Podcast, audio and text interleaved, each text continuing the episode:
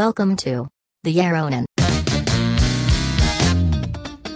Wij zijn de Jeroenen. Jeroen Unger en Jeroen Verkroost maken een tweewekelijkse podcast over media, marketing en innovatie. Gaan wij 2.0, eh, Jeroen? Gaan we de Jeroenen binnenkort 2.0 beschikbaar maken? En verliezen we daar wat mee? Nee, toch? Nou, het lijkt me, het lijkt me niet. En eh, ik denk dat eigenlijk eh, hier het eh, beroemde Franse spreekwoord noblesse oblige op zijn plaats is. Ja, maar dan kunnen we dus ook een eigen, een eigen De Jeroenen-app ervan maken. Samen met wat andere breiklubjes eh, misschien een mooie playlist maken. Ja, Jeroen vindt experimenten met technologie hartstikke leuk. En die heeft ook tijd, want Ja. hij is ondertussen door zijn proeftijd heen. Oh, goed zo. Dan moeten we alleen nog aan onze discoverability werken. En nu begrijp ik uit een eh, die link die jij deelde dat eh, eigenlijk als je op Spotify meer beluisterd wil worden, eh, dat je dan op TikTok moet beginnen. om te zorgen dat je muziek uiteindelijk afgespeeld wordt op Spotify. En dan vroeg ik me af, werkt dat ook voor podcasts, Peet? Oeh, eh, er is maar één manier om erachter te komen, Jeroen. Als je mij wat, moet je snel die TikTok-account weer eens activeren. Ik weet niet of je hem had stopgezet, maar ik denk dat je leuke dansjes moet doen op je eigen fragmenten. Is dat geen goed idee? Dat klinkt als een fantastisch idee. Kijken of je dochters eh, kan aanhaken of wat ook. Ja, dat, eh, dat, dat is eh, fantastisch. Ja. Nee, maar ja, het, ik vond het wel heel erg interessant. Want we- aan de ene kant worden, worden er superveel eh muzikanten heel erg blij ervan. Want die zijn allemaal eh, eh, heel fijn geïntegreerd in alle social media en zo. Maar er zijn ook een heleboel artiesten die zichzelf een beetje media moe vinden. En zich geleefd voelen door ja, eh, iedereen die met advertent of met de attentie zeg maar bezig is. Hè. Dus denk aan reclame maken, engagement, tours en dat soort zaken. En die zeggen, ja, nu moet je eigenlijk 100% op TikTok eh, leven om ervoor te zorgen dat je muziek ook uiteindelijk geluisterd wordt. En ehm, ja, sommige artiesten die voelen zich een beetje gehijacked eh, daardoor. Ja. En dat kan ik wel eh, begrijpen. Ja, TikTok is niet echt een sympathiek medium. In elk geval het lijkt nogal verslavend te zijn. Dus, eh, en dat eh, lijkt dus ook de aanslag te doen op de kunstenaars of op de artiesten. Zijn er al mensen die een burn-out hebben van TikTok? Of, eh, Ja, er zijn een heleboel mensen die, eh, die zeg maar, daar een brood hebben verdiend en het kalm aan willen doen. En zelfs eh, van medium geswitcht zijn. Dus bij wijze van spreken gaan focussen op longform. En denk aan eh, YouTube. Of gewoon helemaal stoppen. en daarmee natuurlijk ook eh, dan al hun inkomsten verliezen. Ik denk Nou, dat. als Ja. eigenaar van een, eh, een band die eh, op Spotify eh, te beluisteren is. En weet ik hoe moeilijk het is om te zorgen dat mensen ook daadwerkelijk naar die muziek gaan luisteren. Want de muziek is natuurlijk schitterend, maar wordt niet gevonden. En ja, ik heb dan niet de moeite genomen om te beginnen op TikTok om te zorgen dat die muziek uiteindelijk herontdekt gaat worden. Maar het feit dat je ergens op staat, dat garandeert niets anders dan dat je ergens helemaal aan het uiteinde van de longtail ook een plekje hebt. En ervoor zorgen dat je daar iets meer van maakt, dat is toch niet zo heel veel gegeven, lijkt het wel. Nee, het is echt. eh, je leeft in een wereld van over. eh, van, ja, van te veel dingen, denk ik. Ja, je moet eigenlijk voor zorgen dat andere podcasts verboden worden, denk ik. Nou, als we kijken naar de cijfers, dan eh, komt dat eh, binnenkort uit. allemaal, inactieve podcasts. Ja, dat scheelt, ja. Nou, hoewel ik op zich niet vind dat een inactieve po- podcast een, eh, een, een, een issue is. Hè. Er is een fantastische Nederlandse podcast eh, over een, eh, een spookhuis. die volgens mij al vier of vijf jaar geleden gemaakt is en nog steeds heel goed beluisterd wordt. Daar zijn zes of zeven afleveringen van en dan is het klaar. Maar dat is hartstikke leuk en er wordt steeds weer door nieuwe mensen ontdekt. Ja, is dat dan een probleem? Weet je, eh, is dat dan een inactive podcast die we moeten verwijderen? Dat lijkt me toch niet. Als je onderwerp maar tijdloos is en niet eh, continu gaat over het laatste nieuws. Dat is natuurlijk een ontzettend domme keuze als je actualiteiten gebruikt. En daarmee limiteer je jezelf enorm qua houdbaarheid. Oh, wacht. enfin, je begrijpt wat ik bedoel. Meer in de volgende aflevering. Maar ik kreeg net een, eh, een e-mail binnen met goed nieuws. Namelijk dat OpenAI een prijsverlaging gaat doorvoeren. Kijk, dat is nog eens positief nieuws. En volgens mij is eh, Elon ook eh, is hij de baas daarvan of aandeelhouder van OpenAI. Hij zat er wel in in elk geval. Hij zit er wel in, hè? Ja, ze leveren een hele belangrijke eh, hoe dat, bijdrage, geloof ik, om dat allemaal te ontwikkelen. Maar het is open source. Nou ja, goed, er zijn natuurlijk ook gewoon aardige miljardairs. Hè? Het is niet eh, dat eh, omdat iemand succesvol is, dat je hem op een gegeven moment maar moet gaan demoniseren. Ik, eh, ik las onlangs ook een hartstikke leuk nieuw eh, artikel dankzij jou. Of ik zag eigenlijk een video dankzij jou, Peet. Over Mark Cuban, ook zo'n mooi rolmodel. Die gebruik gemaakt heeft van een, een, een nieuwe overwinning van Joe Biden. die heeft voor elkaar gekregen dat uiteindelijk hij een wet erdoor gekregen heeft in Amerika, waardoor een aantal dingen mogelijk worden die heel erg lang vastgezeten hebben. En dat gaat onder andere over investeringen in ehm, het repareren van de enorme schade die Amerika aanrichtte aan het klimaat en milieu. Maar een ander onderdeel van die bill, dat eigenlijk een soort samengerolde aantal maatregelen was, is dat er eindelijk een mogelijkheid is gekomen om niet meteen allerlei processen aan je broek te krijgen als je uh, farmaceutische bedrijven hun generieke producten gaat uh, maken op eigen initiatief. Mark die had natuurlijk gezien dat daarmee nieuwe mogelijkheden voor een business ontstonden en die is gelijk in een concept gestapt waarbij je een online pharmacy hebt waarbij de kostprijs plus 15% uh, uiteindelijk de prijs is die je betaalt. In tegenstelling tot wat veel farmaceuten doen. Dat is namelijk, uh, wij hebben 100 medicijnen onderzocht. Daarvan zijn er maar vijf geslaagd. En we willen die uh, vijf, die willen we graag verkopen. Maar dan ook de kosten van die andere 95 terugverdienen. Dus de kostprijs maal 600 is helemaal niet ongebruikelijk bij veel farmaceuten. Mark Cuban is dan degene die als een soort van genereuze combinatie van Florence Nightingale en Sinterklaas uiteindelijk goedkoop medicijnen naar de massa brengt die dat zo hard nodig hebben. Dat was in elk geval mijn take-out, maar ik begrijp dat jij er anders naar keek, Peter. Nee, ik, ik, zag, wel interessante patronen. We hebben natuurlijk heel vaak uh, fairy godmothers gehad van uh, leuke initiatieven. Denk aan Uber, uh, denk aan Booking.com, nou, nog een heleboel andere partijen die heel erg snel gegroeid zijn door een fikse, gezonde injectie van een geldschieter. Of dat nou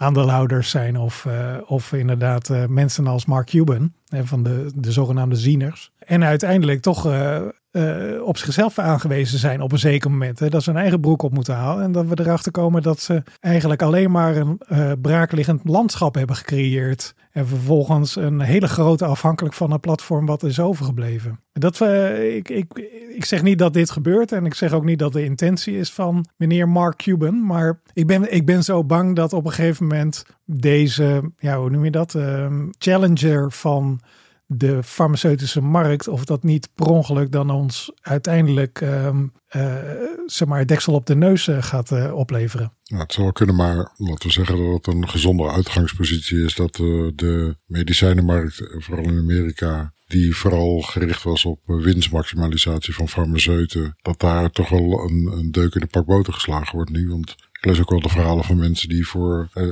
gangbare medicijnen zoals insuline uh, iets van 1000 dollar per maand moeten betalen. En het zijn natuurlijk absurde bedragen om, om medicijnen daarvoor te moeten kopen. En ja, als er ja. dan iemand in, in het gat in de markt zeg maar springt en zegt van ja, maar dat kan veel meer affordable geproduceerd en geleverd worden. Dan lijkt me dat alleen maar een goede ontwikkeling waar de farmaceuten zeg maar op dit moment nog geen antwoord op hebben. Ik denk, zeker de, zeg maar, de kritische kritisch tegenover de markt staan en zeggen van hé, hey, ik denk dat dit anders kan en ik ga het nu even laten zien voor jullie. Ja, dat is super leuk natuurlijk. Ja. Maar nogmaals, als hij de enige is die overblijft en uiteindelijk uh, zeg maar we overgeleverd zijn aan uh, de, de, ja, de wil van dat bedrijf. Hmm.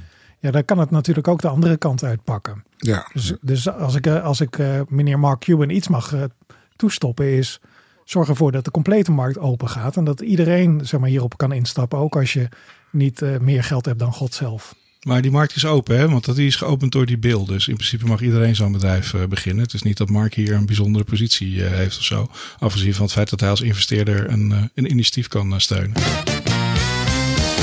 met jullie nog een artikel uh, gelezen, de, gedeeld, dat uh, AI ons uh, uiteindelijk wel gaat vervangen. En dat we natuurlijk hopen dat er een Jeroen, na het stoffelijke Jeroen ook een, een AI-Jeroen komt. Maar het schijnt nu zelfs zo ver te kunnen gaan dat ze een AI hadden ontwikkeld van een, een, een vrouw die was overleden en die tijdens haar begrafenis dankzij de AI ook vragen kon beantwoorden van de nabestaanden. Dus dat gaat nog een stapje verder dan alleen maar een bot, zeg maar. Maar dat je daadwerkelijk nog met je oma kan praten, ook al is ze overleden. Dat moet jij dan toch aanspreken, Jeroen? Ja, sowieso. Maar daarbij moet wel gezegd worden, dat klinkt natuurlijk heel mooi. En dan denk je van, uh, god, dat was best wel een, eh, een overleden vrouw die erg bij de tijd was. Dat valt toch ook wel op. En als je dan even iets doorleest, dan zie je dat die Marina Smith, die 87 jaar oude vrouw waar jij het over had, zelf eigenlijk niet speciaal zo handig was. Maar dat hij ook nog een zoon had, genaamd Steven. En dat hij toevallig een bedrijf heeft opgericht wat zich bezighoudt met het eigenlijk het bewaren van de de, de nagedachtenis en het gedachtegoed van Holocaust-overlevers.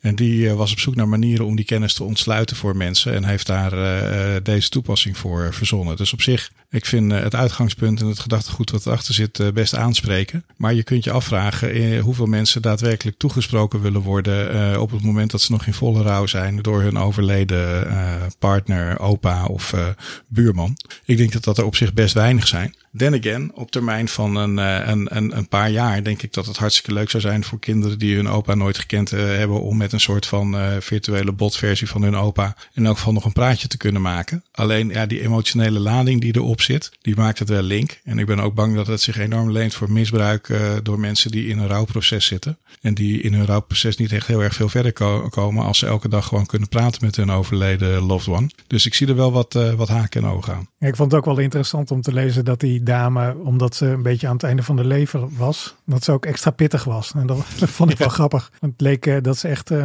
sommige mensen ook echt niet mocht. En die, uh, die kregen ook echt, zeg maar, met terugwerkende kracht alsnog een standje. Postmortem nog een standje. Dus dat is, dat is dan wel interessant. Het is toch wel mooi dat je alles wat je niet tijdens je leven wilde of durfde uit te spreken, dat je dat alsnog dan postmortem kan laten doen. Ja, ja, en wat heb je daar dan aan? Maar goed. Nee, inderdaad. Maar het geeft inderdaad sowieso wel een interessante gedachte, zoals je net beschreef. Van, ja, wat betekent dat dan? Hè? Is mortaliteit dan nog wel een ding, eh, zeg maar, ondanks dat we het zelf niet zullen meemaken? Wat doet het dan met je nabe eh, nabestaanden? Heel erg uh, interessante kost ik geloof toch wel zelf, uh, op de een of andere manier ben ik best wel uh, geïnteresseerd in een uh, volledig virtueel voortbestaan in de metaverse. Ik had zelfs al bijna mijn villa gekocht. Werd daar door Jeroen over uitgelachen. De Meta Estates villa. Maar ik was op vakantie en kon niet bij mijn wallet en ik kon niet snel genoeg een halve eet ad produceren. Dus zie Peter alleen maar lachen. De 42 edities van, van deze villa die beschikbaar waren zijn helaas uitverkocht. Dankzij de keihard in elkaar lazerende koers van uh, de Ethereum uh, was die uh, nog maar 788 dollar toen de laatste verkocht werd. Voor een virtuele villa aan zee. Waar je met 50 man uh, kunt uh, samenkomen met uh, een speciale gallery aan de muren waar je je NFT's op kunt laten weergeven. met een speciale ruimte voor feestjes, een uitzicht over zee, zonsondergangen, palmbomen, een rotsformatie waar het tegen aangebouwd was. Ik vond het allemaal heel spectaculair uitzien. En het was een, een gerenommeerde ontwerper, Luis Fernandez, die dit allemaal ontworpen had. Iemand die ook in real life regelmatig voor Lifestyles of the Rich and Shameless-achtige huizen uh, decoraties uh, maakt. Ja, weet je, dan kan je dus voor uh, pak een beetje 750 euro heb je dus een, een, een, digitale plaats die je dan gewoon je huis kan noemen. En het mooiste vond ik nog dat hij er ook nog over nagedacht had dat het in een flink aantal van de grotere metaverses gewoon te gebruiken was, omdat hij het in verschillende vormen en formaten opgeslagen had. En hij gaf er ook nog de garantie bij dat dat onderhouden zou, zou worden, zodat als er updates komen aan die omgevingen, dat jouw huis het gewoon blijft doen. En dat allemaal voor 750 euro. Ik bedoel, dat is toch eigenlijk fantastisch? Ik, ik, ik word gewoon jaloers op de virtuele Jeroen. Eh, kan dat? Ja, nou ja, en ik denk dan als ik dan kan kiezen tussen uh, uiteindelijk op mijn 85ste te lang vasthouden aan een leven binnen het lichaam waar ik eigenlijk nooit zo heel zorgvuldig mee omgegaan ben. Dat je wel allerlei uh, pillen slikkend uh, om de pillen te compenseren die ik moet slikken omdat ik anders mogelijke problemen krijg. En uh, regelmatig allerlei onderzoeken moeten ondergaan. Of ik uh, kan in mijn virtuele villa een uh, virtuele cocktail heffen en daar mijn vrienden ontvangen zonder enig ongemak. Ja, ik denk dat ik tegen die tijd de keuze wel weet te maken. Ik ben toch wel benieuwd naar, nu ze dan 700 dollar zijn, in hoeverre dat onderhoudscontract op je huis er nog steeds is. En als Mark Zuckerberg dan daadwerkelijk de metaverse interoperabel heeft gemaakt, in hoeverre jouw, jouw huis dan nog steeds in in de Horizon versie XXX uh, eh, gaat passen. ik ben bang dat je dan toch uh, van de koude kermis uh, thuis komt. Nou, er zat een aantal jaren service level op. En hoe dat gaat met dit soort dingen. Het is natuurlijk gemaakt in de bekende formats van de bekende programma's. En over het algemeen, als die een nieuwe versie hebben, dan kun je ook gewoon een upgrade doen. je gelooft nog ook in backwards compatibility natuurlijk. Nou ja, ik kan nog steeds mijn Word 3.0 documenten openen in Office 365. Dus ik geloof daar wel in, ja. En de virtuele glazenwasser en de virtuele schilder, die, die zijn dan ook gratis? Of is dat allemaal... Ja, dat, dat hoeft allemaal niet, hè? dat is het, uh, de virtuele glazenwasser, die uh, komt alleen maar voor in je, uh, in je pornodomein, zeg maar. Volgens mij al een keertje over gehad dat een of ander, volgens mij Big Five Consulting Firm of iets dergelijks, die hadden hun onboarding programma al in de virtuele wereld neergezet om uh, mensen een uniforme onboarding uh, programma af te laten draaien. Ja, het is natuurlijk een hele mooie manier om een soort van consistente experience te maken. Iets wat voorspelbaar is en ook specifieke routes heeft en dat soort zaken. Dus ja, kan me dat heel goed Het is ook een enorme hoofdkantoordroom. Hè? Kijk, uh, in de corporate wereld is er maar één probleem. En dat is je bent uh, een corporate wereldwijd brand, brand. En je hebt uh, in 42 landen heb je kantoren. En daar willen mensen ook allemaal dingen doen. Ten eerste kost dat 42 keer zoveel geld. En ten tweede wijken ze misschien een klein beetje af van het corporate pad wat jij op het hoofdkantoor verzonnen hebt. Dus het allermooiste is om het in een ijzeren greep te houden. Door de hele onboarding gewoon centraal te pakken. En mensen te verbieden om daar lokaal iets voor te doen. Dus uh, ja, weet je, het is niet altijd alleen maar innovatie die erachter zit. Er soms ook gewoon de Darth Vader School of Management uh, en uh, bezuiniging die leidt tot dit soort aanpak. Ja, en het is niet alleen voor nieuwe medewerkers, maar ook bestaande natuurlijk. Hè. Apple gaat toch doorzetten dat medewerkers naar het hoofdkantoor moeten komen. Ze hebben dat voor ettelijke miljarden daar neergezet. Ja. En nu zal en nu moet er iemand gaan werken natuurlijk ook. Dus volgens mij wil Tim Cook zijn medewerkers volgens mij verplichten om drie dagen per week of zo naar kantoor te komen. Ik dacht dat het zoiets was. Hoe is dat bij jou, Peter? Moet je ook verplicht naar kantoor? Nee, er is uh, geen verplichting. Um, er, wordt wel, er wordt wel heel erg veel gestimuleerd om, hey jongens, als je lekker wil samenzitten of je wilt iets overleggen of wat ook, doe het vooral. Sterker nog, dat wordt ook uh, financieel uh, ondersteund. Hey, het hoeft niet op kantoor. Sommige van onze collega's die wonen aan, aan de andere kant van Utrecht. ik woon in Amsterdam. En ja, dan is het gewoon handiger om in Apeldoorn af te, af te spreken of in, of in eh, Den Bosch of wat ook. Dus, uh, en dat wordt, uh, dat wordt echt gestimuleerd. Hè. Wij, ja, wij geloven dat samen met mensen in een ruimte staan, dat het vele malen sneller tot inzichten komt en veel sneller ook tot onderling begrip als uitkomst heeft. En ja, ik, ik denk dat dat ook de keuze of we nou in een kantoor moeten zitten of dat we alles virtueel moeten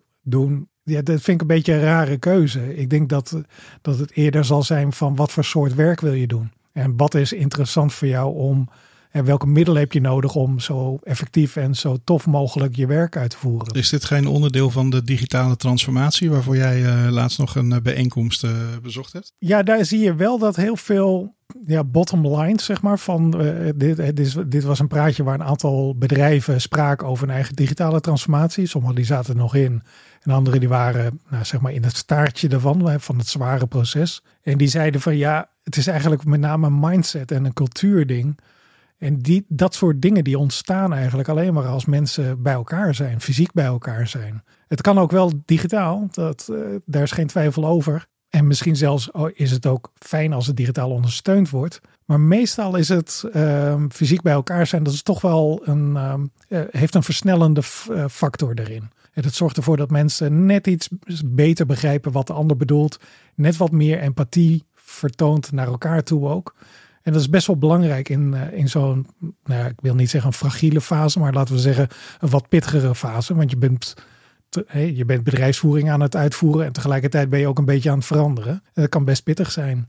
Ik kan dit alleen maar bevestigen. Uh, dat is ook pittig. Maar wat mij opvalt is dat je praat over het proces van digitale transformatie als een soort van tunnel waar je aan het begin kan zitten, in het midden of aan het eind van kan zitten. Is het een, uh, een, een, soort van uh, ik, ik was een rups en ik word een vlinder en als ik een vlinder ben, ben ik klaar verhaal? Nee, hoe heet het? Wat mij betreft is het eigenlijk is het meer een fase, inderdaad. Je zal op een gegeven moment zou je moeten starten. Dus de, de meeste bedrijven die zijn een beetje kapot geoptimaliseerd om één en dezelfde functie te doen. Dat betekent dat de mensen die jou verder kunnen helpen of eh, je kunnen helpen om te veranderen of naar nieuwe dingen te kijken, die zitten simpelweg niet in je organisatie. En dat is een van de dingen die je bij een digitale transformatie als eerste doet, is de mix van mensen een beetje veranderen en de mensen die al in het bedrijf zitten nieuwe ideeën geven en nieuwe vrijheden geven. En zodra dat beter in orde is, dan zal je ook zien dat de organisatie dat eigenlijk gewoon overpakt en verder groeit en dat steeds beter gaat doen.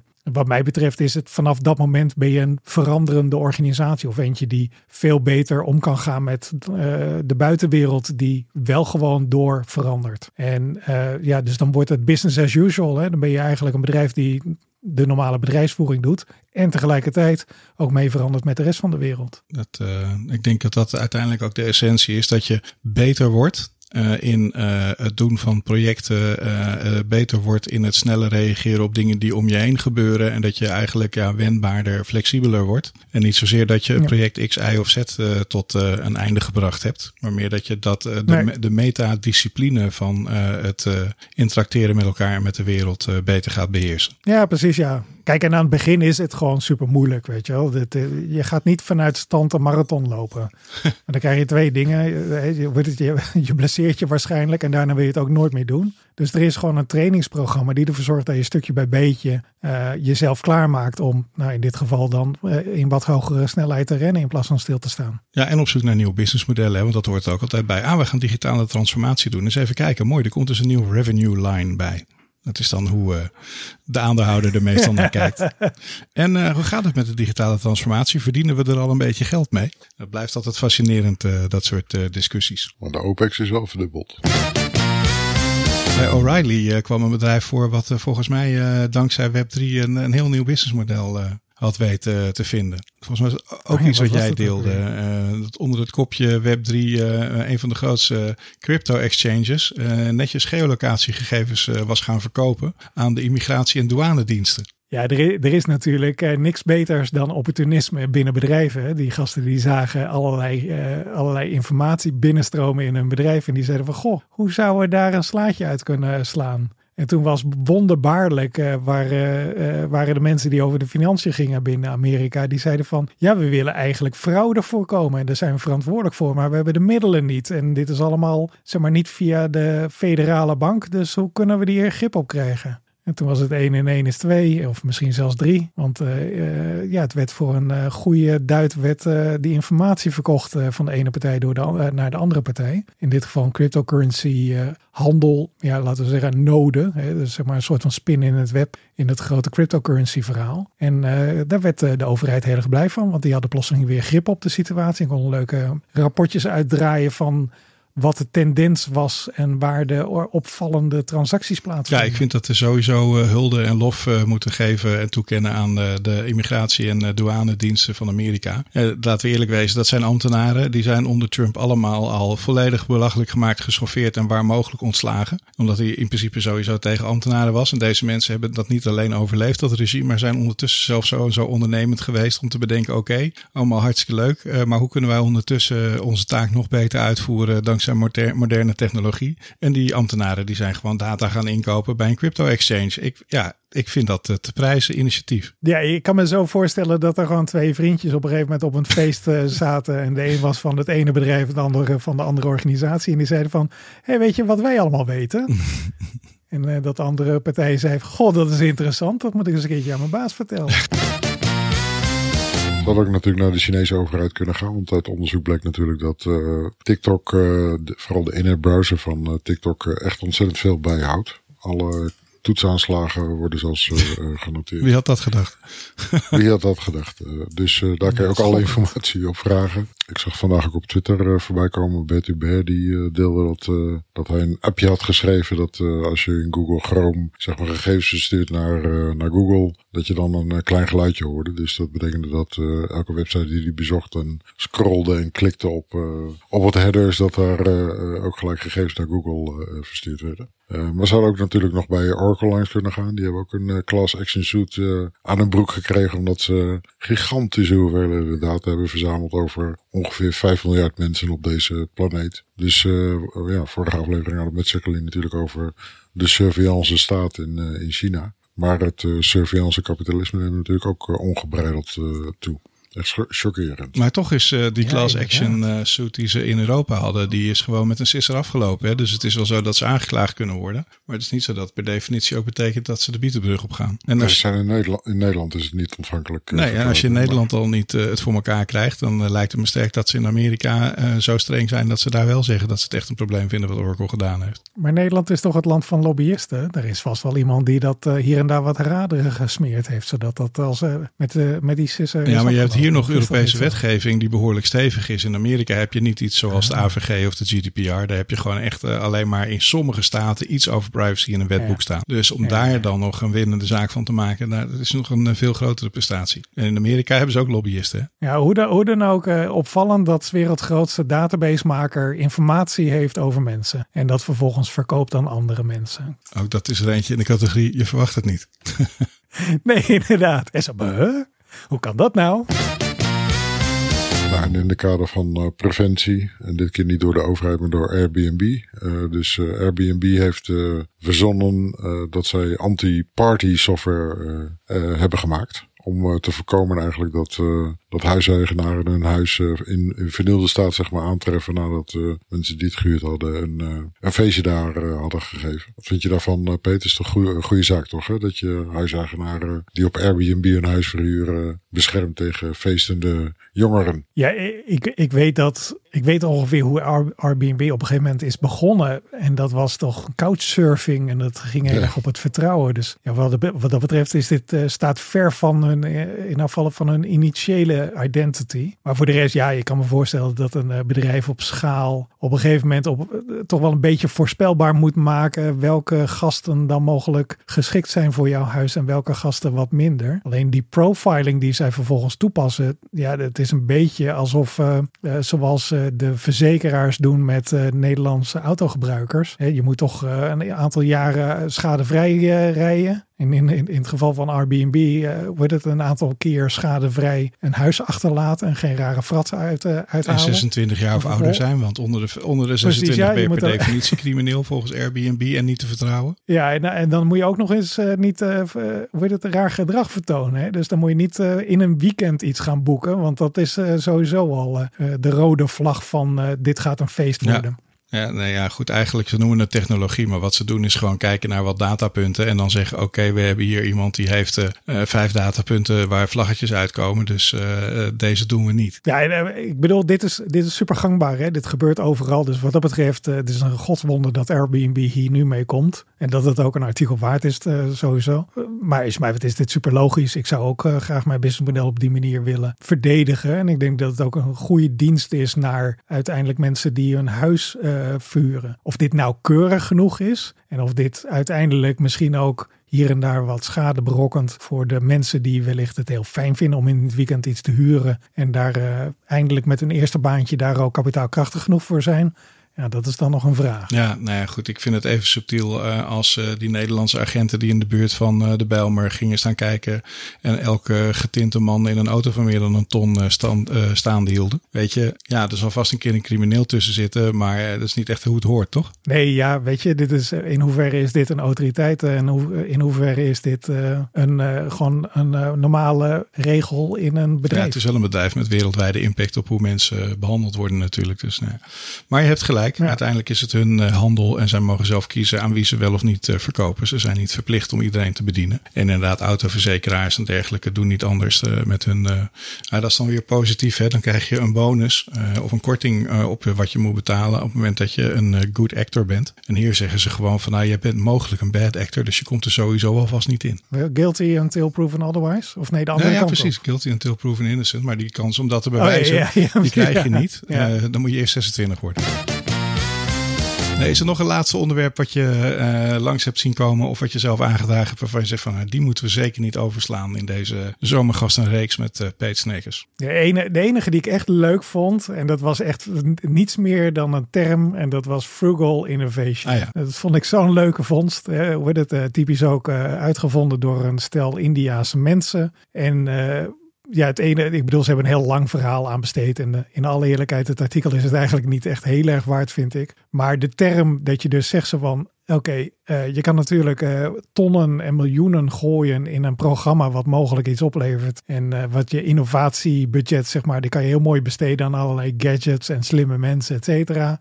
Maar wat je ook kan doen, is je juist richten op de beperkende factor van een nauw budget en beperkte middelen. En eh, dat dat eh, wonderbaarlijk ongeveer dezelfde resultaten oplevert. Eh, en dat was een soort van de spiegel die deze Indiaanse mensen ook ons voorhielden. Zo van, hé hey jongens, wij doen ook innovatie. En wij spenderen nog niet eens een fragment van wat, wat een gemiddeld succesvol bedrijf eraan besteedt. En wat dat betreft, ik, ik vond het ook heel erg een, een parallel hebben met hoe mooie kunst kan ontstaan. Hè. De kunstenaars die vinden zich vaak ook in, eh, juist in de beperking van, eh, van medium en van tools en van middelen. Zomaar een eh, dromerig, interessante Nou, ik heb hier twee vragen over. De eerste vraag is wat mij betreft de meest prangende. En dat is dit artikel dat staat op risingkashmir.com. Hoe de hel kom jij op risingkashmir.com, Peter?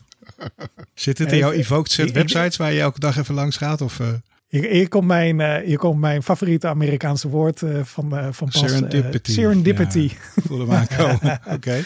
Oh, Ja. Nee, ik heb een aantal, ik heb een aantal bronnen. Dus wat ik, ik heb vaak heb ik een Google search uitstaan op random woorden. Vaak zit het woord innovatie daar wel bij.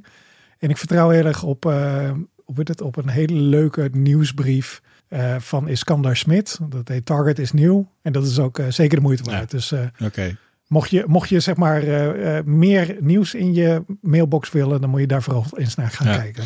Nou, dank voor die tip. En eh, de andere vraag was, ja, wat betekent frugal? Want ik weet niet zeker of dat een woord is wat in de evoked set van al onze luisteraars zit. Oh, ja, nee, frugal, dat betekent dat je een beetje met de vinger op de knip zit. Hè? Dus ervoor zorgt dat de uitgaven in elk geval zo minimaal mogelijk zijn. Ja, dat is, eh, dat is een hele mooie manier om jezelf te beperken en toch nog eh, shit gedaan te krijgen. Ja, dat, en, en dat sprak mij wel aan. En vooral ook aanvullend daarop dat hun uitgangspunt eigenlijk bij het bedenken van elke innovatie via deze methode is dat je ook altijd kijkt naar je, niet alleen hoe je kosten kunt minimaliseren, maar ook het materiaal dat je gebruikt. Wat natuurlijk in essentie een enorme duurzame basisgedachte is om mee eh, naar je concept te kijken. Zo van dat is een hartstikke leuk idee wat ik hier heb. Maar niet alleen lost het een probleem op, maar ook is het de meest ja, materiaal eh, extensieve manier om het probleem op te lossen. En dat vind ik een hele goede basisvraag om jezelf te stellen in een vroeg stadium. Eh, omdat je anders in een laat stadium erachter komt dat je toch misschien niet zo duurzaam bezig bent en weer eh, terug moet naar de tekentafel. Dus ik vond het ook een verrassend. ik denk ik moet naar reisinkashmir.com. Waar ga ik in godsnaam terechtkomen? Ik vond het verrassend interessant. Dus dan ga ik deze link gaan jullie kunnen vinden in de onvolprezen website Analen op dejeroenen.com. eh, metaverse.frl en eh, vele andere domeinen die we ook gekocht hebben, omdat het toch niet zo duur is.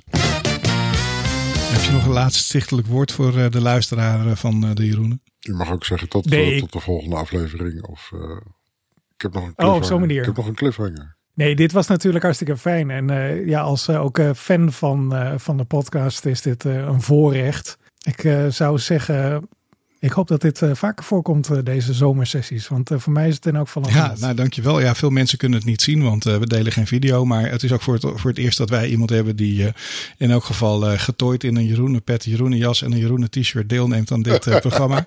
Bedankt eh, voor het adopteren van onze merchandise lijn en dan eh, met zoveel gulheid ook. Eh, het was super fijn om je in onze uitzending te hebben. Hartstikke bedankt, eh Jeroen Peets. Tot de volgende keer, toch? Tot de volgende zomer dan. Tot de volgende keren. In alle episodes waar je onderdeel van uit zult blijken te maken. Oh ja, ja, ja. Oh, dat wordt natuurlijk. eh, nu worden we allemaal in fragmenten geknipt en eh, worden verspreid over de eeuwige velden van de. zo zijn we gewoon weer full circle ten opzichte van de middeleeuwen, waar dit vierendelen ook een hoogtij vierde. Dat was gewoon een nieuw distributiemodel van Zo talent, toch? Hey, fijne avond jongens. Eh, jullie ook. Eh, zeg maar, eh, over het uitwisselen van de bestanden, daar krijg ik later nog een berichtje Dat over. leg neem ik Jeroen aan. jou allemaal uit. Ik ga lekker bier drinken nu. Het, het is fucking warm Dat is hier. goed. Alright. Fijne avond. Ja, Hey, hartstikke bedankt, Peet. Hoi, hoi. Hoi hoi. Hoi hoi. Dank je voor het luisteren. Dit was De Jeroenen. Jeroen Unger en Jeroen Verkroost maakten deze tweewekelijkse podcast over media, technologie, marketing en innovatie. Op onze site vind je onze show notes, de links naar de artikelen die we bespreken, korte berichten in de geest van De Jeroenen en natuurlijk de links om je te abonneren, bijvoorbeeld via Spotify, Apple Podcasts of Google Podcasts. Als je ons een bericht wilt sturen, feedback wilt geven of een idee hebt voor de podcast, kun je ons mailen op jeroen.dejeroenen.com je kunt ons vinden op Twitter als @dejeroenen of je kunt ons een berichtje sturen via onze site www.dejeroenen.com. Wij zijn er elke twee weken. Graag tot de volgende keer.